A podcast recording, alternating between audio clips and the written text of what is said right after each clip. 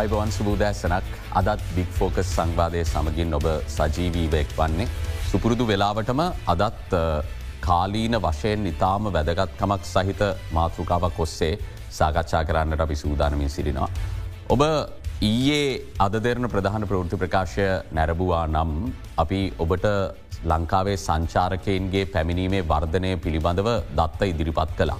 විශේෂම දෙදහස් දහට වසරේදී ලංකාව සංචාරක කර්මාන්තයෙන් අමරිකාන් ඩොල බිලියන හතරයිදශම පහක ආදායමක් උපයා ගැනීමෙන් පසුව.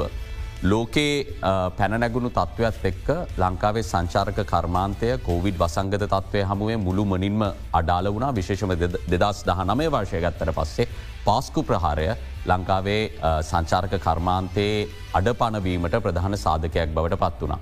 දැන් ඊයේ අපි ඔබට වාර්තාකරපු තොරතුරුවලට අනුව දෙදස් විසි එක්ක වර්ෂයට සාපේක්ෂව සීට දෙසිය හැත්තෑවක වර්ධනයක් දෙදහස් විසි දෙක වර්ෂයේදී ළඟා කරගන්නට ශ්‍රී ලංකාවට හැකියාව ලැබුණා කියන ප්‍රවෘතිය ඉතාම ධනාත්මකව අපි ඔබට තොරතුරු ගෙනාව.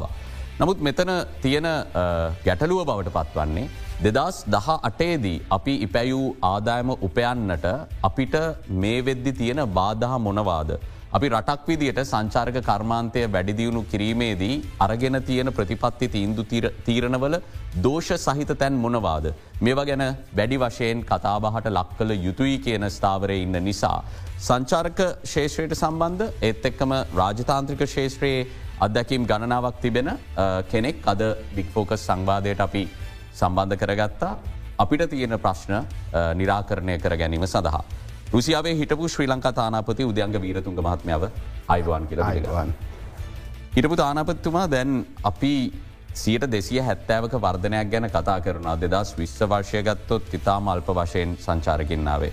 දෙදස් විසි එක එක් ලක්ෂ අනූ හතරදා සාරසි අසූ පහයි අපිට සංචාරක වෙන්නේ. මෙවර දෙදස් විසි දෙක වර්ශය ගත්තම හත් ලක්ෂ දහනමදස් නමසය හැත්තෑට දෙනෙක් කෙනවා. අපිට සතුටට පත්වෙන්න පුළුවන්ද මේ වර්ධනය ගැන අපි යථාර්ථය දිහා බලත්ති. පළමෙම මං ස්තුතිවන්ත වෙනවා ආරධනා කිරීම ගැන මේ මාතෘකාව ගැන කතා කරන්න. ප්‍රශ්නයට යොමු කරෝතින් සතුටට පත්වෙන්න පුළුවන්ද. අපි සතුටට පත්වෙනවා සියට දෙසිය ගානකින් වැඩිවුණා කියලා අපිම අපිව රවට්ට ගන්න. ඇත්තටම අපිට එහෙම සතුටට පත්වෙන්න පුළුවන්කමක් නැහැ මේ සංචාර කර්මාන්තය නියුතු ලක්ෂ තිහක අධික ඒ සාමාජිකයන් රිජුව ඒ පවුල්වල සාමාජිකයන් ඒගොල්ලන්ගේ ආදායම කිසිම විදිියකින් වැඩවීමක් දකින්න පුළුවන්කමක් නෑ. යම් කිසි පිරිසක් යම් ආදායමක් ලබනවා එක ඉතාම අඩුයි. මං ඒක සංසන්ධනය කරෝතින්. අපි යම් කිසි වෙළඳාමක වුණත් ඕනම තැනකදී අපිට උපරිමය අපි ලබාගත් ප්‍රතිඵලයට සාපේක්ෂව තමයි අපි අනාගතය ගැන හිතන්න ඕන ඊට වැඩිය වැඩි කරගන්න. තොට අපේ සංචාර්ක ශේත්‍රයේ වැඩිම වෙලා තියෙන දෙදස් දහටේ තමයි සංචාර්කයන් වැඩියෙන්ම ආවේ ඒ වෙලාවේ අපිට සංචාර්කයෙන් ඇවල තියෙනවා දෙකයි දසම තුනක් පමණ මිලියන්. එතෝට ඒක ආදායම මිලියන් හතර ඩොල බිලියන් හතර හමාරකට කිට්වෙන්න ලැබිල තියෙනවා.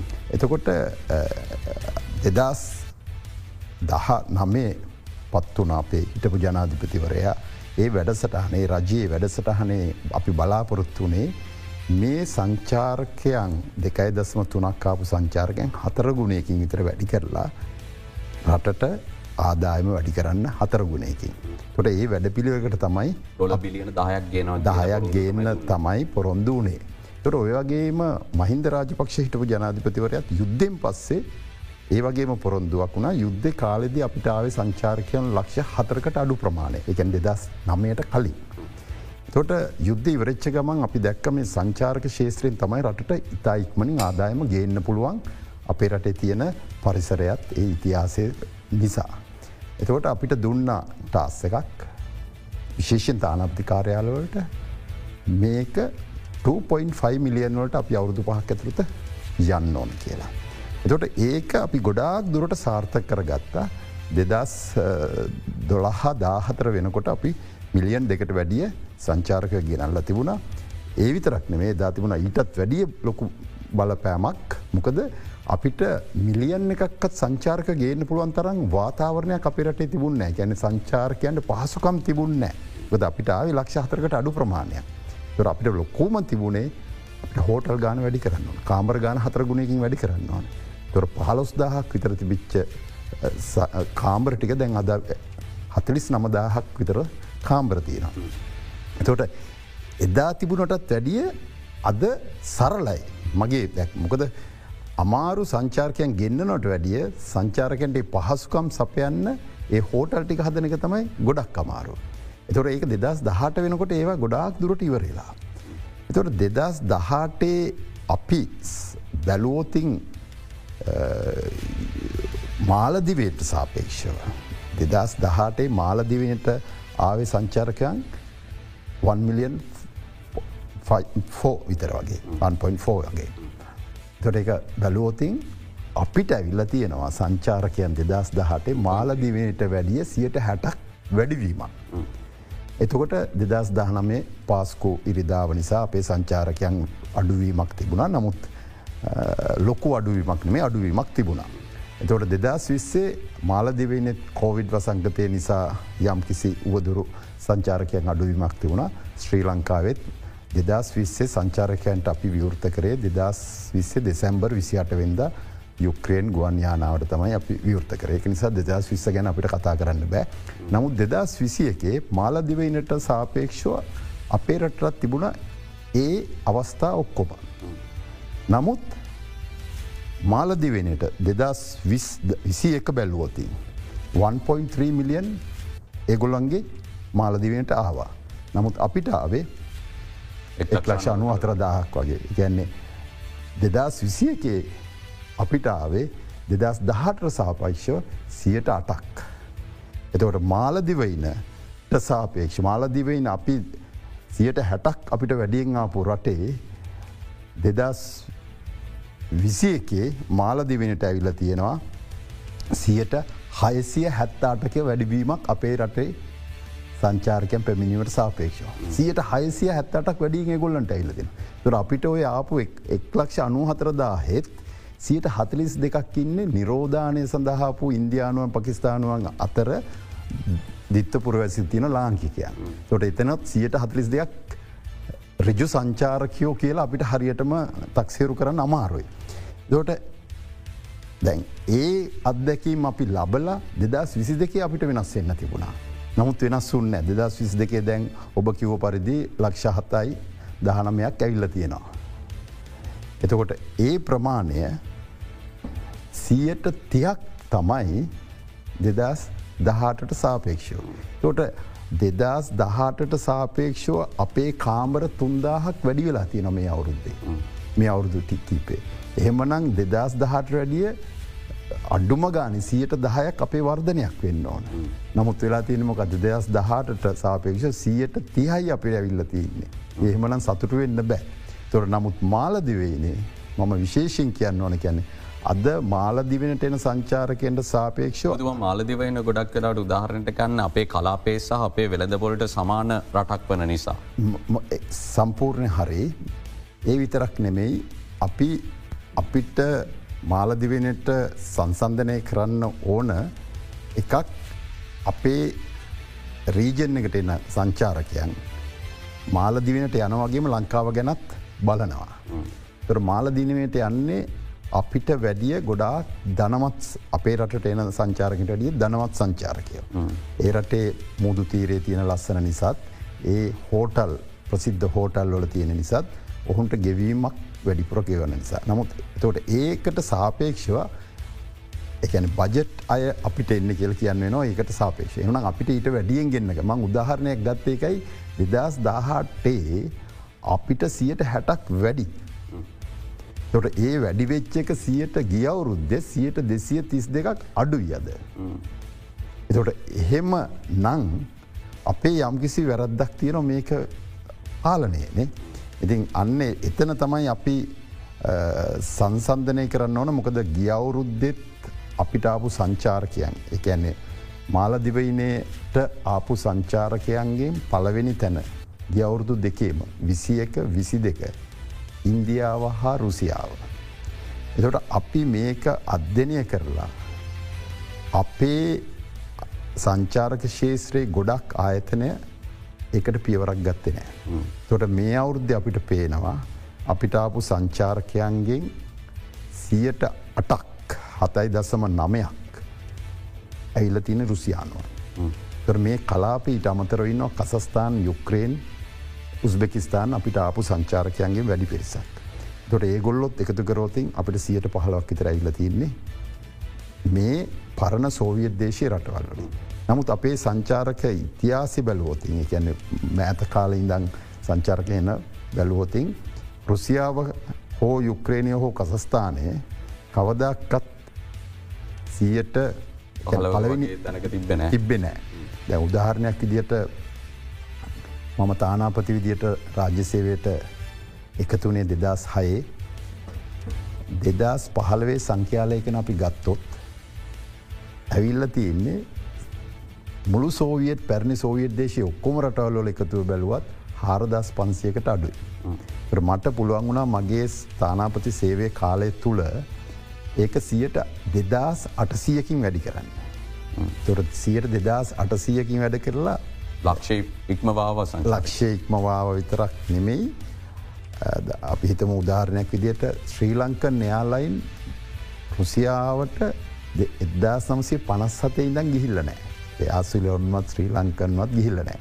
නොත් මට පුළුවන් වුණා දෙදස් එකොළහයි ශ්‍රී ලංකනයාලයින් මොස්කව් නගරයට ගෙනියන්න සතියකට වාරත්තුනා. අපි රුසියාව ගැන සහ ඒ සංචාරකින් යලි ආකාශනය කරගන්න මොනවගේ ක්‍රමෝපායක සැරසුමකට අන්නවනද කියන ගැන සාකච්ඡා කරමු හිටපු තානපත්තුමා. ඉට කලින් මට එන්න ප්‍රශ්නය දැන් ඔබතුමා පෙන්වා දෙන විදිහට. අපි හුද කලාව ශ්‍රී ලංකාවේ දත්තරම් බැලුවම අපිට යම්කිසි සතුටක් දැනෙන සියට දෙසිය හැත්තෑවක වර්ධනයක් අපිට තියෙනවා කියලා. නමුත් දැන් මාලදිවෙන වගේ අපේ තරගකාරී වෙළඳ පොළොවල් එක් බැලුවට පස පැහදිලි අපි සතුටවෙන්න පුළුවන් තැනක නෙම ඉන්න කියලා. හෝටල් කාමර හතලිස් නමදාහක් තියෙනවා ලියාපදිංචි වෙච්ච සංචාරක රියදුරන්ගෙන් මඟ පෙන්වන්නන්ගෙන් අපි පෞද්ගලික හම්බෙලාඇව්ව මොවුන් කියන එක සුද්දෝ එනවා එනවා කිව්වට අපිට ප්‍රතිලාබ ලැබෙන්න තාම අපිට මඟ පෙන්වන්න සංචාරක වෙන්නේ නෑ. එතකොට මේ සංඛ්‍යාත්මක බවේ අඩුවද පිළිබිබු වෙන්න මේ වෙළඳ පොලේ රැකියාවල නිරතවලයා ඉන්න අයගේ කතා බහින්. ඇත්තටම ඇත්ත මොකද මම අර රුසියාව පළවෙනි දහයට පළවෙනි පහලවටත් තිබුන්නෑ කියලා පෙන්නපිකින් කරේ එක එක රටවල්ලට එක කලාපොලට මේ සංචාරක ආයතන බෙදාගෙන තියෙනවා. රුසියාවට මම තානාපතිදිර පත්වෙන කාලේ මේ ප්‍රධාන ආයතන එකක්කත් එකන් ලංකාව ලොකුම ආයතන එකක්කත් ලොකුවට රුසියාවට ඇවිල්ල තිබුන්නෑ. ඉට පස්සේ පලවිනිදේ භාෂාව ප්‍රශ්නයක්. එ අවශ්‍ය සංඛ්‍යාලයකනද අවශ්‍ය දත්තද අවශ්‍ය තොරතුරු මේ රුසියානු භාෂාවෙන් ලබාදීමක් සිදුවන්නෑ. තොට පළවිනියට අපි කරේ ඒ භාෂාව අවශ්‍ය දේවල් සපයල ගැන් පොත් අටක් මංගේ කාලේ සූදානන් කරලා CD ගයි හදලා රූපෝහයිනි වැඩසටහන් කරලා අන්න එතනින් පස්සෙ තමයි මේ සංචාරකයෝ ලංකාව ගැන දැනගන්න පුළුවන්. එතකොට අද අර ඒ නිසාම බොහොම ටිකයි ආයතන රුසියාවත් එක්ක සම්බන්ධ වැඩ්ඩි බහුතරයක් ලංකාවේ ආයතන සම්බන්ධ එංගලන්තය ජර්මනිය ෆ්‍රන්සිය යුරෝපි රටවල්ල බහුතරයක් ඉංග්‍රීසි හෝ ජර්මන් හෝ ෆ්‍රන්ස් කතා කරන මේ රුසියාව සමඟ වැඩ කරන්නේ හරි අඩු ප්‍රමාණය. තොට අද මෑත කාලේ අපිට කෝවිඩ් වසංගතය කාලේ ඒ වගේම දැන් රුසියානු යුක්‍රයෙන් යුද්ධය නිසා ආර්ථික පසුබෑමක් නිසාත් යුරෝපයේ අපිට ඒ යුරෝපා රටවල් වලින් එන ප්‍රමාණය ගොඩාක් අඩු වෙලා තියෙනවා. ඒ විතරක් නෙමේ ගොඩාක් සම්බාධක පනවල තියෙන අපේ රට එන්න එපා කියලා. එතට අන්න ඒ ඔක්කොම නිසා අර බහුතරයක් ආයතන වැඩකරපු අපිට ලොකුම කලාපය අපිට නැති වුණා. එතකොට ඒ කලාපයක් නැතිවෙනකොට අලුත් කලාපයකට එක පාට එන්ටවෙන් අමාරුයි. තුල්ලෙන් අමාරුයි. එතකොට ඇතුල්ලලා තිබිච්ච ආයතන සමඟ මම දෙදා සතේ ඉඳං වැඩකරපු ආයතන එකන රුසියානු ආයතන සම කතා කරලා. අපිට පුළුවන් වුණා මේ ලංකාව සංචාර්ක ආයතනත් එකතු කරගෙන රුසියානු සංචාර්ක ආයතනත් එකතු කරගෙන ඒ වගේම ගුවන්යාන සම්බන්ධ එකතු කරග මේ සම්බන්ධය පාවිච්චි කරලා අපිට ඒක වැඩි කරන්න පුළුවන් වුණා. ඉතින් ඒක නිසා අද කවුරුහරි කියනවනං මට ආදායම නෑ කියලා ඇත්ත. තමන් එල්ලවන චෝදනාව බොහෝවිට ඔබටත් මේ චෝදනාව එල්ලන ඔව්. රුසියාවෙන් යුක්්‍රේණයෙන් ගෙනල්ල අන්තිමට උදයංග වීරතුන් කළ පෝසත්වෙනවා මේ රටේ සංචාරක කර්මාන්තර වෙන දෙයක් නෑ. තරු පහේ සුකෝපභෝගී තමන්ගේ මිතුරන්ගේ හෝටල්ලන් සම්පූර්ණයම පිරිලසීට සීයක්ම. නමුත් මේ කර්මාන්තය බිම්මට මේ දිලයින්න කිසිම කෙනෙක්ට ප්‍රතිලාභයක් නෑ කියලා. මොකක් දෙක් එත ඒ චෝදනාවට තියෙන ප්‍රතිචාරය. ඇත්තම එහෙම චෝදනාවත් තියෙනවා. පළවෙනිදේ අදමං රාජ්‍ය සේවේ නිල්ධාරයෙක් නෙමෙයි. මට අවශ්‍යනම් වෙළදාමක් කරන්න පෞද්ගල් කංශය සමඟ සම්බන්ධ වෙන්න එක නීතියානුකි කූලුව කිසිම විරෝධයක් නෑ හිද චෝදනාව කරන එක වැරදි. නමුත් මං වෙළදාමක් සිදු කරන්න මම කරන්නේ ප්‍රමෝෂන්.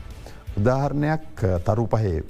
ඔවු තරු පහේ ප්‍රධානම හෝටල් ටික බැලුවොත් අද වැඩියෙන්ම රුසියානු සංචාරකයන් යන්නේ උනමටනට. තට උනවටන තියෙන ලොකුම සංචාරක හෝටලය මගේ යාළුවෙක් තම ඩඩලි සිරිසේනගේ ඒ අරලිය උනවටුන. එතකොට අර්ලිය උනුවටුන ළඟදිම ඇරපු අලුත්ම හෝටලයක්. එතකොට ගැන සංචාරකයෝ ඒ හෝටලේ දැකල නෑ ලෝකේ. එදස් විසියක එක විවෘත කරේ කෝවිඩ් කාලේ. එතොට ඔහු මගේ යෝජනාව පිළි අරගෙන මේ රුසියානු වන්ට ස්පෙෂල් රේට් එකත් දීලා මේ රුසියානුවන්ට දෙදස් විසියක ඒ හෝටලෙ පෙන්නවා.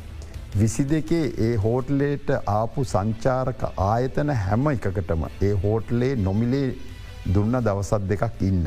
එතකොට ඒ සංචාරක ආයතන ඒ හෝටලේ හොඳටම දැක්ක. තොට ඒක ප්‍රතිඵලයක් විදියට අද සීයට සීයක් සංචාරකයන්ගෙන් රුසියානු සංචාරකයන් පිරල සීයට සීය. එතකොට ඒ වගේම අපි බැලුවොතින් රඩිෂන් බ්ලු මැරියට් ශරටන් මේ ඔක්කොම හෝටල් අන්න ඒ වගේ ක්‍රමයක් ක්‍රියාත්මක කරා. සමහරලාට ඔහුන් රිස්කයක් අරගෙන වියදන් කරා දෙදස් විසි එකේ විසි දෙකේ යම් කිසි ආයෝජනයක් කරා ඒක ප්‍රතිඵල අද ලැබිල තියෙන. එතකොට හෝටල් තෝරා ගැනීමේදී ගජමිතුරන්ගේ හෝටල් තෝරණෝ කියන එක චෝදනාවක් වුණත් ඔවු රුසියානුවන් කැමති හෝටල් මම් ප්‍රමෝෂන් වලට බලෙන් ගිහිල්ල කරනවා. ද මේ ඊය පෙරේද ගිල්ලා දීරවිල ඩබල් හිල්ටන්. මත්තලට ගුවන් යානා එන නිසා ඒ හෝටලේ මට ඕන ප්‍රවර්ධන කටයුතු කරලා මේ හෝටලේටත් යම් කිසි ආදායමක් ලැබෙන වැඩ පිළිවෙලක් හදන්න මොකද යාල. තොට ඒක මගේ ඇගේම තියෙන දෙයක් මං ඒක ගිහිල කරනවා.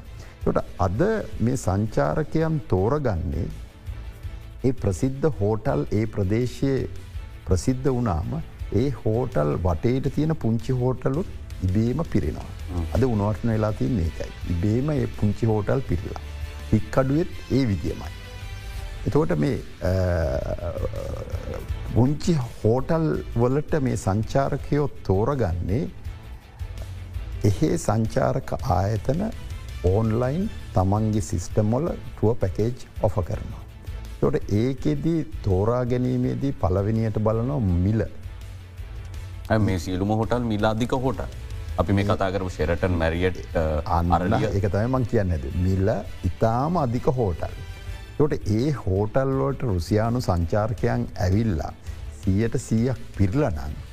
තොර මේ දුප්පත් රුසියානුවන් කියන මතය සම්පූර්ණ වැරදි. එතට පුංචි හෝටල්ලෝට එන පිරිසකුත් ඉන්නවා එකමම් පිළිගන්නවා. තොට ඊළඟට මේ රුසියාවෙන් ගුවන්යානා තුමක් සතියකට එනවා ආයතන ගුවන්යාන තුරන් ගුවන්යාන දහයක් එනවා ගුවන් ආයතන තුනක්.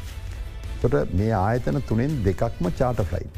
තොට චාට ෆ්ලයිට් එකක් පුරෝණෝ කියන්නේ එකින් සියට හතලියක් එනවා වැඩි ගණන් හෝටල්ලොල අය ඒවගේම කලින් බුක්කරපුයි. ඉට පස ඉතුරු සියටට ඒකෙන් හැටෙන් සියට හතලියක් විතර මධ්‍යස්ථත් සියට විස්සක් විතර අඩු හෝටල් වල එනවා.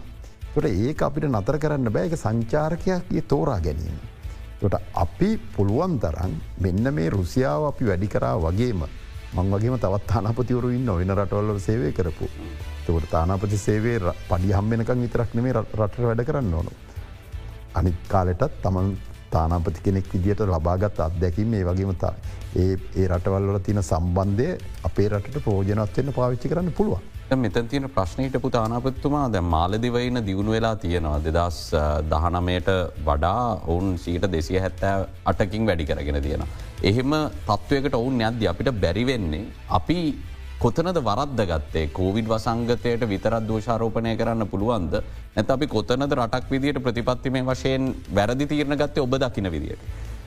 මෙමයි කෝවිඩ් වසංගතය ආපු කාලේ වසංගතයක් විදියට සමහරලාවට අපි ඕනෝට වඩා පාලනය කරන්න ගියාද එම නැත්තං න්‍යාමනය කරන්න ගියාද කියනෙක් ගැන ප්‍රශ්නාර්ථයක් තියෙනවා. මොකද ඇත්තටම ලංකාවේ අමාත්‍ය මණ්ඩලේ සංදේශයක් දාහිටපු අගමැති මහින්ද රාජපක්ෂ යන අගමැතිවරයගේ කැබිනට් සංදේශයෙන් මේ රට විවෘත කරන්න අපිට අවසරේ ලැබුණේ සැත්තැම්බර් විසි නමවෙනිද. නමුත් දස් විස්සේ දෙදස් විස්සේ. එදා මම පෞද්ගලිකව සිවිල් එවේෂන් එකත් එක කතා කරලා එරෆලොට් එයා ස්කැට් ඒ වගේම යුක්‍රේන් ඉන්ටර්නශනල යාලයින් ඒ වගේම ජොයිනප් මෙය ආයතන හතර ගුවන්යාන් ආයතන හතරටම අවසර පත්‍ර අවශ්‍ය දේවල් සියලු දේ ඔක්තෝබර් මාස වෙනකොට මම සූදානන් කරල ඉවරයි. නමුත් නොයෙකුත් අදමං චෝදනා කරන ඒවා බොරු වැඩ නොයෙකුත් පාලනය කිරීමට අවශ්‍ය රෙගුලාසි නිසා දැඩි කිරීම නිසා මේ සංචාරක ගුවන්යානාවලට අපි එන්න දුන්නෑ. කීප වතාවක් මං උත්සාහරගෙන අන්තිමට දෙසැම්බර් විසියටවෙන්ද පලවෙනි ගුවන්යානාව යුක්‍රේන් වලින් ආව සංචාරක එක්කුසි අසූ දෙයක් අරගෙන. තොට අපිට දෙදා සිස්ස අවුද්ධ අප සංචාරකෙන්ට එන්න දුන්න නෑ කියල තමයි අපිට කියන්වෙන්නේ.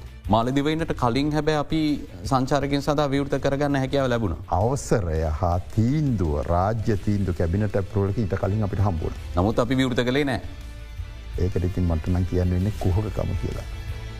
අපි ඒ නීති රීති අද අපිට උදාහරණයක් කිවෝතින්.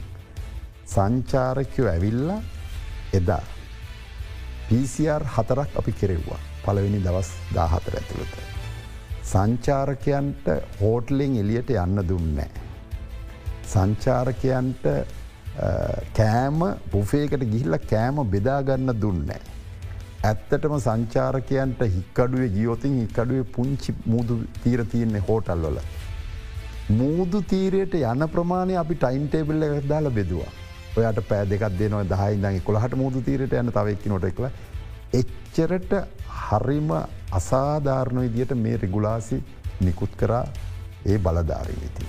දොට ඒක නිසා එන සංචාරකයා කැමැත්තෙන් ගියා නෙමේ. උදල්ගෙවල නිවාස අඩස්සීන්න වගේ දල් ගෙවල සිද නිවාස අඩස්සීන්න සමාරය කෝවිඩ් පොසිටි වුණාම ඒගොල්ලන්ට ඉන්න වුණා සමහරලාවට සති දෙකම නිරෝධානය එකැන සල්ලි ගෙවල ඩොල් පන්දහක් විතර වියදන් කරලායිල කාමරය ඉඳගෙන මුදු දිහා බලාගෙන හිට පවස්ථාවල් තිබුණා. අන්න ඒ නිසා අපි අර පටන්ගත්ත ගුවන්යානම් මත්තලට ගේන්න ගුවන්යාන තිස් සතරකින් අප්‍රෙල් මාසේ නතර වුණා. දොට ඒ වගේම අර සංචාරකයන්ට ඒතිවිච්ච රෙගුලාසි අනිතරටවල් ලිහිල් කරත් ධාරණයක් තුර්කිරාජ්‍ය ඊජිප්තුව ඒ වගේම ඩුබායි මාලදිවෙන ලිහිල් කරත් අපි ලිහිල් කරේ නෑ. ඉති අන්නේ හේතු නිසා මේ සංචාර්කයන් රටට එන එක ගිය අවුරුද්දෙම දෙදස් විසයක දත්ත නැත්ත ඒකයි. තොර ඒ පමණක් නෙමේ දෙදස් විසි දෙකෙත් අප දත්ත තියාගෙන දෙන්න කෙටි විරාමයකට යොමුුවෙන්න්නට ඕනේ විරාමෙන් පසුව දත්තත් එක්ක යම් කිසි ආකාරයක අපිට අද පැමිණෙන සංචාරකින් සංඛ්‍යාව පිළිබඳව යථාර්ථවාදී විදියට සතුරුවෙන්න්න පුළුවන් තැනකද ශ්‍රී ලංකා ඉන්නේ කියන සාකච්ඡාව මතු කරගන්න උත්සාහ කරම සිටින්නේ කෙටි විරාමයක් ඉක්මනින්ම යලි තම.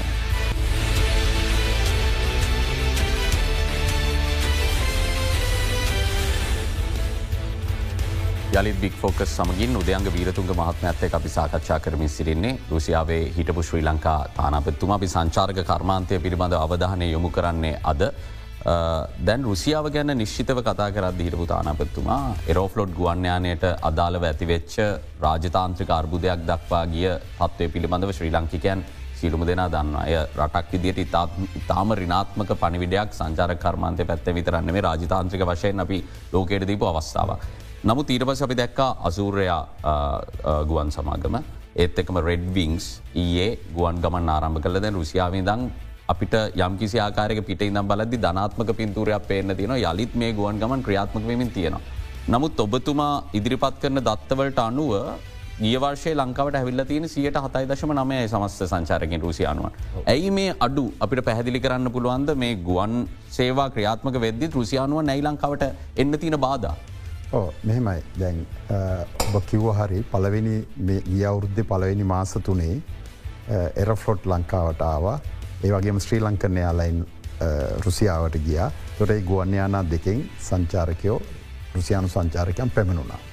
ඒ වගේම යුක්්‍රේන් කසස්ථාන් සංචාරකුන් පැමුණා එපස්සේ අප්‍රේල් මාසේ මාර්තු මාසේ රුසියානු යුක්්‍රේන් යුද්ධය නිසා සම්පූර්ණ යුක්්‍රේන් සංචාරකයෝ එන්න ප්‍රමාණය එහෙම නැති වුණ.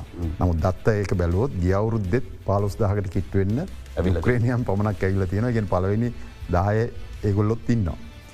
එතකොට ඊට පස්සේ රුසියානු එරෆොට් ගුවන්යානාව නතර කරා. අප්‍රේල් මාස ශ්‍රී ලංකන යාලා ඉන්නතර කර. හරිම කනගාටුයි. මොකද පෙබරවාරි මාස වෙනකොට සීයට අනූනමයක් සංචාරකය පිට ලැවිල්ල තිවුණ අපේ ගුවන් යානාව. මාර්තු මාසෙද ජනවාරි මාසිත දෙසැම්බර් මේ හැම මාසකම සියට අනුවට අනුපහහි අනු නමයයි අතරාව ඉතින් එහෙම ගුවන් යානාවක් නතර කර. ලංකාවට එක ලොකු පාඩුව. ඉට පස අප්‍රේල් මාසේ වැටුනා එරෆ්ලොට් නතර කර ඒවගේම රට තුළ තිබිච්ච කලබල නිසා. ඒ අරගල නිසා අප්‍රේල් මාසිදම් අපි බදත් දත්ත දිහා බැලෝතින් අපේ ලොකූ අඩුවීමක් වුණා. ඉට පස්සේ ආපෝ වෙරෆොට් නතර කරලා අලුතෙන් අප යුද්ධෙන් නතර කර එරෆොට් ආපහු අපි ජූලි මාසය ගෙනවා. ගෙනාවට ආපහු ඒකට සම්බාධකයක් දාලා උසාවිනියෝගයක් දාලා ඒක නතර කිරීමත් ලොකු පාඩුවක් වුණා. නමුත් ඒ අතර අපිට තිබිච්ච තව ප්‍රශ්නයක් තමයි රොස්්‍යයානුවන්ට පමණක්නේ ගුවන්්‍යානාවලට රටතුළ තෙල් තිබුන්න. අන්න ඒ හේතුව නිසා ගුවන්්‍යානාවලට කිව්වාපි ලංකාවට එනවනම් තෙල් අරන්ගන්න එහම නැත්තන් ඉන්දියාවෙන් හරි වෙන ළඟින් රටකින් ගාගෙනයන්. එහෙම ගුවන්්‍යානා එන්නේ නෑ. අන්න ඒක නිසා අලුත්තෙන්ගෙන් අපි යෝජන එදා අලුතෙන් යෝජනා කරේ අසූර් අසුර ලංකාවට අලුත් නෑ මොකද දස් දහනමත් ආවා නමුත් අසූර අපිට ගේන්න බැරුණ මේ තෙල් ප්‍රශ්න නිසා. නමුත් රජය තීන්ද කර පෞද්ගලික ආයතනකට ගුවන්්‍යානා තෙල් ගේන්න කියලා කැබිනට් පේපරකින් අවසර දුන්න. අන්නේ අවසර දීපු ගම මට පුළුවන් වුණන් අසූර එක නොවම්බර් තුන්වෙන්දිඳ නැවත අරන්ගෙන්න. ඔහුම් පලවෙනියට ගුවන්්‍යානා තුනක් එකඟ වුණා ඉට පස්ස ගුවන්්‍යාන හතරක් එකක වුණා අද ගුවන්්‍යානා පහක් සතියකට එනවා නගර හතරකි. තොට අසූරක එයාවල තව වටිනාකමත් තියෙන සීයට අනූනමයයි දසම නමයක්ම පිරිල එන්නේ. ඒක අපිට ලොකු ජයග්‍රාණය මාසිකව හයදා සත්සයක් විතර සංචාර සංචාරකයනවා. එතකොට ඒ අතර එරෆොට් සියට අනුවට අනූ පහට පිරිලයිනා. අන්න එහෙම වාතාවරණක අපිට පුළුවන් වුණා ඊටත් අමතරව තව ගුවන් යානාවක් තමයි රෙඩ්වින් රෙඩ්වින් ලංකාවට කවදක්කත් ඇවිල්ල නෑ. රෙඩ්වින් ගුවන්යානාව අපිට එකඟ කරගන්න පුළුවන් වුණා මැලේෂයාට යන්න තිවිච්ච ගුවන්යානාවක් අපේ රටට ගේන්න. එක ප්‍රධාන හේතුව මත්තල ගුවන්තොටුපලේ ඒ සංචාරකයන්ට පැසෙන්ජස්ලට අය කරන ගාස්තුව බද්දු ගාස්තුව ජනාධිපත්තුමාට පැදිලි කර. ම ස්තුතිවන්තය නො මෙතනි දිවුණත් ජනාධපත්තුමාටම දනිත් ඇමතිවරුන්ට ඕක තේරුම් ගන්න බැරුණ. ඔහුට තේරුම් කරලා දුන්නම ඒ බදු ඉවත් කිරීම නිසා අපිට ඒ ගුවන්යානාව මන්තරට ගේන්න පුළුවන් වුණා. ට ඉස්සරේල ඔහුන් එකඟ වුණේ දින දායකට සැරයක් එන්න. ඊට පස්සේ එගොල්ලෝ සතියකට ගුවන්යානා දෙකක් එනවා මොස්කව්වලින් අපි දැම් බලාපොරොත් වෙන සෙන් පීටස් බර්ග වලින් තුන්ගෙන ගුවන්යානාවත් පෙබරවාරි මාසීතර එකතු කරන්න. දට මත්තලට සංචාරකයන් හාරසිය විසි දෙකක් අපිට ගේන්න පුළුවන් වුණා රෙඩ්වේ. ඉතින් එතකොට මෙහෙම දැම් බැලුවෝතින් රුසියානු කලාපෙන් මේ නොඇම්බර් මාසය ඉඳම් බැලුවෝතින් සතියකට ගුවන්යාන දැන් ජනවාරි දම් බැලු සතියට ගුවන්යාන දහයක් එනවා. ඒ අපිට ලොකු ප්‍රමාණයක්. නමුත් අර රුසියා අපේ දත්ත දෙදස් විසි දෙකේ දත්තවල අපිට හරියට වැඩ කරන්න තිබුණේ මාස දෙකයි අන්තිම කාලේ මුලදි මාස තුනයි. මාස පහයි අවුරුද්ධෙන් වැඩ කරේ රුසියානුවන් ගෙන්න්න හරියට පුළුවන් වුණේ. ඉලාට සංචාර්ක ශේත්‍රයේ බැලුවත් අප්‍රේල් මාසින්දං ඔක්තෝබර් මාසයනකං මේ අරගලහා රජයට පහසුකම් දෙන්න බැරි වෙච්ච දේවල් ඉන්දන ප්‍රශ්න ගොඩක් හේතු නිසා සංචාරකයාවේ නෑ. එමයි කාට්පත ලංකාවේ වලංගු ලෙස භාවිත කරන්න අපසුයි කියලා මහබැංකු අධිපතිවරයා දැනුම්දීමක් කල්ල තියෙනවද රුසියාවට මේ? එක හරිම කනගාටයි. මොකද අද මුළු ලෝකෙම රුසියාවට විරුද්ධ ගොඩාක් සම්බාධක පනවල තියෙන ඇමරිකාවේ ප්‍රධානත්තේ. ඇමරිකාවේ ඉල්ලින් මත. අපේ රටත් සම්පූර්ණ ඇමරිකාවේ ඉල්ලින් මත. ඒ මීර් කියන මීර් කාඩ් පතත් ඒ වගේම ඉන්ටනල් අපේ රජයක් විදියට අපිට ඉතාම වාසිදායක අවස්ථාවක් රූබල් හා රුපියල් ගණු දෙනු කිරීම ප්‍රතික්ෂේප කර මහා බැංකුව අධිපත්තුමා දැන්ඉන්න දෙපාරක් එක පාරක්නේ දෙපාරක් සාමාන්‍ය රාජතාන්ත්‍රිකව ප්‍රතික්ෂේප කරන එක ලිකිතව යවන්නෑ. අපි ඒක බොහොම සංවේදීව වෙනත් විදිියකින් ඔහුන්ට දන්වන්නේ. නමුත් මොහු ඉතාම රජුව කනට ගහන වගේ දෙපාරක්ම මේව කරම නිසා එතුමට එහෙම කරන්න වෙනත් බලපාපු රාජතාන්ත්‍රික හේතු තියෙන්න්නට සම්පූර්ණයම එතුමා ලියවමම කියනවා රුසියාවට ඇමරිකාව පනමාතියන සම්බාධක ඉවත් කරන තුරු අපි ඔබ රජය සමඟ රූබල් වලින්වත් මීර් කාට්පත පිළිගන්නවත් කැමතිනෑ කිරති එතන කෙලිම රජුව කියන ඇමරිකාව කියනද අපි කරන්න කියන එක. ඇති ඒක අපිට ඉතාම අවාසී මොකද ඒක අපි බැලුවෝතින් අනිත් පැත්තට. ඉන්දියාව දැන් රූබල් ඉන්දයානු රුපියල් සමඟ ගණු දෙනු කිරීම ආරම්භ කරලා. තොට අපි ඩොලර් මත රඳා පවතින්නෑ. තෝට ඒ වගේම ඒ ගණදනුවෙන් පස්සේ ඉන්දියාවේ වඩු රුසියාවට අලවි කරන්න පහසු. එතොට ඒ වගේ මේගොලො ටැක්ස් ්‍රී නිවිසුනුත් අස්සං කරන. අපිටත් ඒ අවස්ථාව තිබුණ අපි එක මග ඇරිය. අද අපි බැලුවෝතින් සංචාරකයෝ යුරෝපියන් මේ අපිට උපදෙස් දෙන්න අපිට ටොකු අනින අපි මේ වැඩි අගේ කරන යුරෝපී රටවලින් අද සංචාරක වෙන්න. ඇමරිකාවෙන් අද සංචාරකයන්නේ බොහොම අතලොස්ස ඒ දුත්තපටවසති පුරව සිභාවය තින ලාංකිකයෝ වැඩි වශයෙන්. එතොට යුරෝපය අද එංගලන්තේ ජර්මණි අපේ පලවෙනි ගැනුම් කාරය කාල හිටපු. අද ඔහුන් එන්න. එහෙමනම් මේ අවස්ථාවත් අපි බැලුවෝතින් පැරණි මිත්‍රය තමයි අපිට යාල් උදව් කරේ. සංචාරක ශේත්‍රයේ වැටල තියෙනකොට නැවත වතාවත් රුසියානු සමූආණ්ඩු එදා ඉඳං එදා සංසය පනස් සතේ ඉඳං අපිට උදව් කරා වගේ මේ අපේ සංචාර ශේත්‍රය වැටල තියෙනකොට මේ උදව් කරේ රුසියාව. මාසේ අසූර් රෙඩ්විංස් මොනගුවන් සමාගමත් එක්ක කතා කල්ලා උන්ට රිජුගුවන් ගමන්වාර ආරම්භ කරගන්න ඔබට හැකියාව ලැබුණත්. ශ්‍රී ලංකන් ගුවන් ගමන්වාර ආරම්භ කරගන්න හැකියාව ලැබිල නෑ එතකොට ශ්‍රී ලංකන් පටන්ගන්න නැද්ද මොනාද පටන්ගන්න තියෙන බාධාව. ඇත්තටම ශ්‍රී ලංකන් ගුවන්යානාවට කිසිම් බාධාවක් නෑ අර රෙඩ්වින් එරෆලෝට් අසූර් රුසියානුවන්ට මාව තේරුම් ගන්න පහස්වීමේ ලාංකික අමාත්‍යවරුන්ට එහෙමනත්තම් බලධාරින්ට වඩා ඒකයි එකට හේතුව. රුසියාවට අද යන්න පුළුවන්කම තියෙනවනම් තවගුවන්යානයක් සියට සියක් පිරිවීමේ රාජකාරයේ මම අද ගන්නවා. ඇයිද ගුවන් ගමන් නතර වෙන්න මොකදේ තාර්කික අදනම්. ටෙක්නිකලි ඒගොල්ලො පෙන්නන්නේ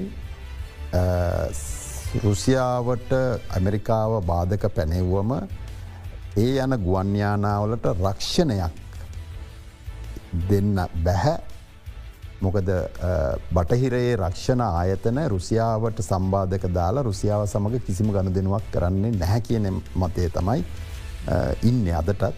නමුත් ඒ රක්ෂණය රුසියානු රක්ෂණයක් ගන්නත් පුළුවන් අමතර ගෙවීමක් දීල රක්ෂණයක් ගන්නත් පුළුවන්කම තිබුණට ශ්‍රී ලංකන් ගුවන්යාන ආයතනය ප්‍රධාන විදායක එංගලන්ත ජාතිකයෙක් නිසා ඔහුට තියනව පෞද්ගලික රුසියාවත් සමඟ යම් කිසි කෝන්තරයක් තියෙනවා. ඒ නිසා ඔහු ගුවන්යානාව ඉතා ඉක්මනින් අයිංකරා කියන එක තමයි මගේ පෞද්ගලික මතය. මොකද දෙදස් විසි දෙකේ පෙබරවාරි සියට අනුනමය සමාගම කෝනයෙන් ගත්තර පස්සේ ලොකු පාඩුව. ඕ ඒක තවදුරටත් මං විවේචනය කරෝතින් ඒ ගුවන්යානාව ගලවලා ඒ තුන්සියතිය ගුවන්යානාව අයින් කරලා ඒක දැම්මේ ඔස්ට්‍රේලියාවට. තොට ඔස්ට්‍රේලියාවින්දං සංචාරකයෝ නෙමේ අපේ ලංකාවට ගේන්නේ. ඔස්ට්‍රේලියයා ඉදන් සියට සියක් ගුවන්යානාව පිරලා එනවා තමයි එක සියට හැත්තෑවක් අසුවත් අතර එන්නේ ඉන්දයානුවන්. රුසිය ලංකාවාරහා ඉන්දියාවට යන රුසියානවා. බොහොම අඩු පිරිසක් තමයි ලංකාවට සංචාරක ජාති ගුවන්සේ විදියට ශ්‍රී ලංකන් ගුවන් සමගම් වැඩි වශයෙන් සංචාරක ගෙනියන මාලදිවයිනට කියලත් සමහර. ඕ එතන ඒ චෝදනා වෙන්නේ අපි දැන් රුසියාවට අඩුමගානේ සංචාරක එක්සිබිෂන් එක තවත් ගිය අවුරුද්ධ අපි ගිය නෑ.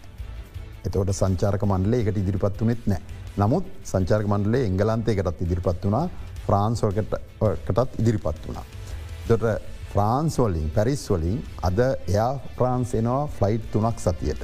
ශ්‍රී ලංකන් එනවා ෆ්ලයිට් තුනක් සතියට. එකන් ෆ්ලයිට් හයකින් රිජුව ලංකාවට ගෙනවත් අපි රුසියාවෙන් ගේන වගේ එහෙමන හත්සී හද්දාහක් ලංකාවට ගේන්න ඕන. නමුත් දෙසැම්බර් මාසි දත්තවලින් අපිට පේනවා ඇවිල්ල තියන්නේ බොහොම අඩු ප්‍රමාණයක් දෙදාහකට හිට්ටු ප්‍රමාණයක් ඇවිල්ල තියන්නේ. එකන් මේ ෆ්ලයිට් පිරිලන මේ එන්නේ දෙදස් හයිසියට පහ ඇවිල්ල තියන්නේ. එතොට මේ හද්දාහක් එන්න ඕන තැන දෙදස් හයිසියක් එනවා කියන්නේ හතර ගුණයක් අඩුවෙන් ඇවිල්ල තියෙන්නේ නමුත් ඒ සංචාරකය කොහටද ගී.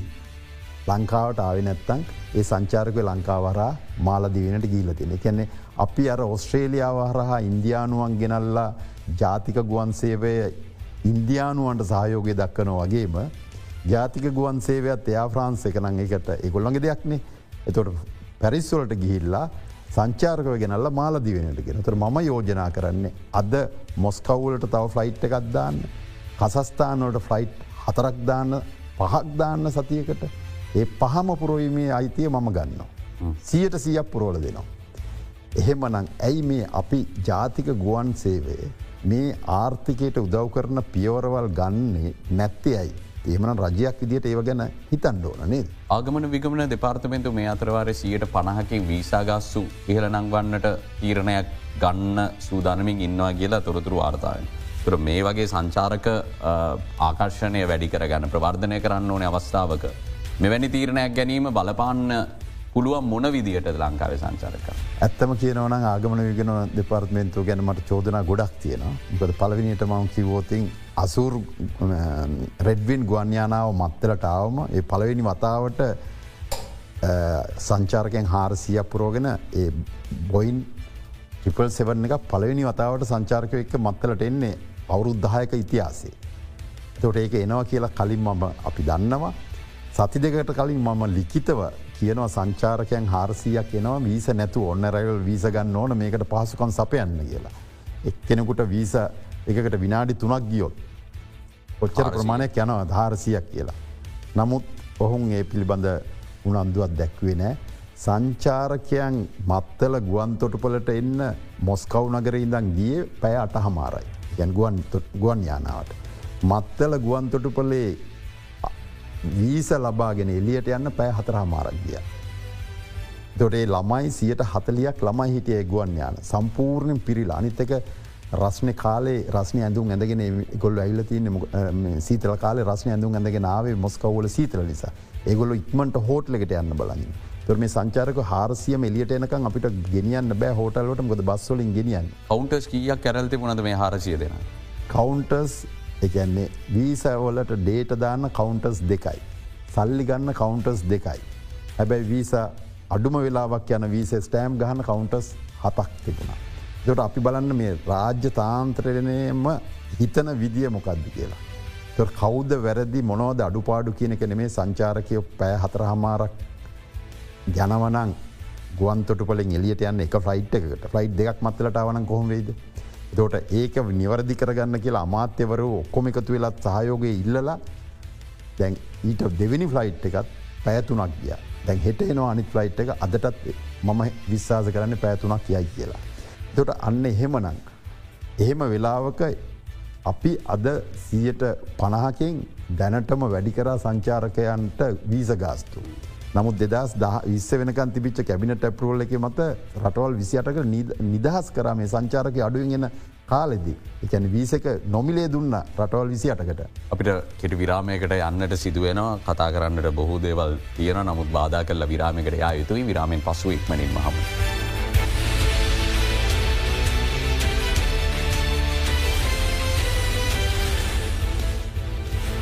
රුසියාවේ හිටපු ශ්‍රී ලංකා තානාපති උදයන්ග වීරතුන්ග මහත්මඇත්ත අපි සාකච්ඡා කරන්න මේ සංවාධය බලන් ඉදිද්දි අපි වැඩි වශයෙන් අවධානයමු කරේ රුසියානු සංචාරකින් සහ රුසියානු ගුවන් සමාගම් පිළිබඳව.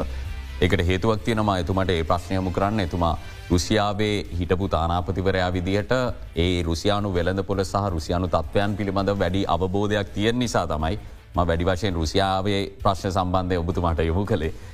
අනිත් රටවල් ගැන වැඩි වශයෙන් අවධාන යොමු කරනට වඩාමං විශ්වාස කරා එතනින් අපිට ලබාගන්න පුළුවන්දේ වැඩි කියලා. දැන් ඒවගේ අපි මතක් කරන්න ඕනේ සියට හතයි දශම නමයයි ගිය අවුරුද්දේ සමස්යක් විදියට අවුරුද්ධම ගත්තම. හැබැයි අවසාන මාස දෙක ගත්තම දත්තත් එක්ක ලංකාවට ආපු සමස්ස සංචාරකින් සංඛ්‍යාවෙන් සියට විසි පහක් විතර රුසියානු සංචාරකින් තම ඇවිල්ලදීන්. මේ සංචාරකින් ආවත් හිරපු තානපත්තුමා මෙතන් තියෙන ප්‍රශ්නය ඔවුන් රට ඇතුල්ට යනව දකිනවා අපි අඩුයි මේ වෙරල තීරය තමයි ඔවුන්ගේ ප්‍රධාන සංචාරක ආකර්ශණය බවට පත්වවෙන්නේ. මේකට විශේෂ හේතුවත්තිය.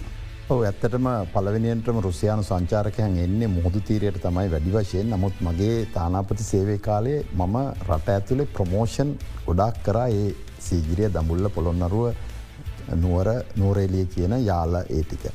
නමුත් අද සංචාරකයන්ට ඒ ස්ථාන හඳුන්වාදීම තෙරතුරු ලබාදීම සංචාරක සම්මන්ත්‍රණ පැවැත්වීමක් තානාපතිකාරයාලෙන් සිදුවෙන්නේ නැහැ.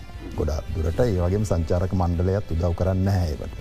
ඒක නිසා සංචාරක ආයතන ඔහුන් දන්න මේ ටුවර එකක් කියන්නේ මොකක්ද මොකක්ද මේ සීගිරිය මොකක්ද මේ දමුල්ල මොනවද බලන්නති නුවර එනිසා දන්න තැන්ට එනවා. ඒගොල්ලෝ ඒක නිසාර හෝටලේ මුූදු තීරය තියෙන හෝටලයක් හඳුන්වා දීම හරි සරලයි.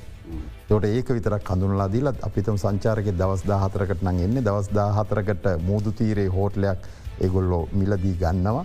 ලංකාවට ආවට පස්ස තමයි තේරෙන් අපිතම වැල්ලිගම ඉදන් සීගිරී උදේහවස ගිල්ල එන්න බෑ. එක තැනක දවස් දෙකත් පිට ඉන්න ඕන. තොට ඒක ගොල වෙනස් කරන්න මොද හෝටල්ලෝට ගෙවල ඉවරයි. සැලසුම් කල සැලසුම් කරල ඉවරයි. එතකොට ඒගොල්ල යාලට ඇල්ලට විතරක් යනවා. අන්න ඒ නිසා අද මේ සංච එන සංචාරකයන්ගෙන් සියට අනු නමයක් අනු අටක් තුවර යන්න. නමුත් එදා සියට හැත්තෑවක් තුවර එක ගිය. පටන්ගත්තෙම ගුවන්තොටුපලෙන් සීගිරිය හෝ දඹුල්ල හෝ නුවර පලවෙනි රාත්‍රය ගත කරලා දෙවැනි රාත්‍රිය නෝරෙලිය හෝ වෙන තැනක් ගත කරලා තමයි මුූදු තීරයට ඇවිල්ල විවේ කරගෙන යන්නේ.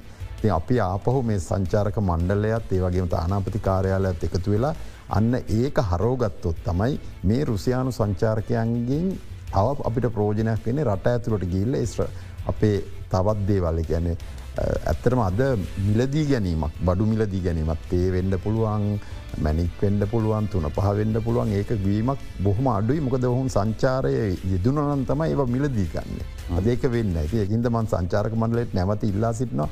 මෙන්න මේ ගැන උනන්දු වෙලා මේ සංචාර්කයන් රට ඇතුළට ගෙනියන එකට වැඩ පිළිවෙලක් යොමු කරන්න. ප්‍රවර්ධන වැඩසවර්ධන වැඩසටහනක් කරන්න. මොකද අද රුසියාව සමඟ ප්‍රවර්ධන වැඩ කටයුත්තක් ඇත්තෙම නෑ. ගොඩක් කලාට නිලධාරෙන් සංචාරක ආයතන ප්‍රදර්ශනවලට යනවා ඇමතිවරුන් හා නිලධාරි මම කියන්නේ ඒකට අන්නවශ්‍යයි එක. ගොද ප්‍රවර්ධන කටයුතුවලට ඒ යොමු කිරීමත් ඒවගේම සංචාරක එක්සිබිෂනෝට යන්න ඕන ඒ සංචාරක ආයතන විතරයි. ඔහුන් තමයි ලීෆ්ලට් දීලා ඒ ආයතන සම කතා කරන්න ඕන. නමුත් අපි සංචාරක ප්‍රවර්ධන කටයුතු රජයක් විදිර කරන්න ඕන. හොඳයි. බොහෝදේ තියෙනවා අතාව විමසන්න තියෙන තත්ත්වත් එක්ක අපි සංචාරක ආකර්ශණය සහ මේ පැමිණෙන සංචාරකින් සංඛ්‍යාව වැඩි කරගන්න මොනදේවල්ද කරන්න ඕනි කියලා. නමුත් අපිට ලැබිල තියෙන කාලවෙලා අවසන් නිසා තවත් දවසක හමුවී ඒව සාකච්ඡා කිරීමේ බලාපොරොත්තුවෙන් අදට ඔබතුමාට සමුදෙන් අපිට සිදුවෙන බොහම ස්තුතියි අද අපේ ආරාධනාව පිළිගත්තාට මයතන්නේ අපිට සතුටු වෙන්න පුළුවන් තැනක ඉන්නවා කියලා හුද කලාව දත්තාරං අපි කල්පනා කලාට අද සංවාදය තුළින් ඔබට පැහැදිලි වෙන්නට ඇති කලාපේ සෙසු රටවල් අත්පත් කරගෙන ඉන්න සාර්ථකත්වය හා සසදද්දී ශ්‍රී ලංකාව ඉතාම පිටු පසින් ඉන්න තත්ත්වයක සිටින්නේ අපි මේ තත්ත්වය වහාම නිවැරදි කරගත යුතුයි. විශේෂෙන්ම උග්‍ර විදේශ විනිමේ අර්බුදයක ගිලී සිටින රටක් විදියට හැකි කඩිනමින්ම විදේශ විනිමේ ආදායමක් උපයන්න පුළුවන් කර්මාන්තය විදිට සංචාරක කර්මාන්තය වැඩි දියුණු කරගන්න වැඩි අවධානයක් යොමු කළ යුතුමයි කියන කාරණය අවධාරණය වනවා මේ දත්තවලට අවධානයමු කරද. නැවතවතාවක් ඔබතුමට සූති ආරාධනා පිළිගත්තාට. ඒ සමගින් අදට අපි සංවාධයෙන් සමගන්නවා හැටත් හමුවමු සුපුරුදු වේලාවට ඔබට සුපදිනයක්.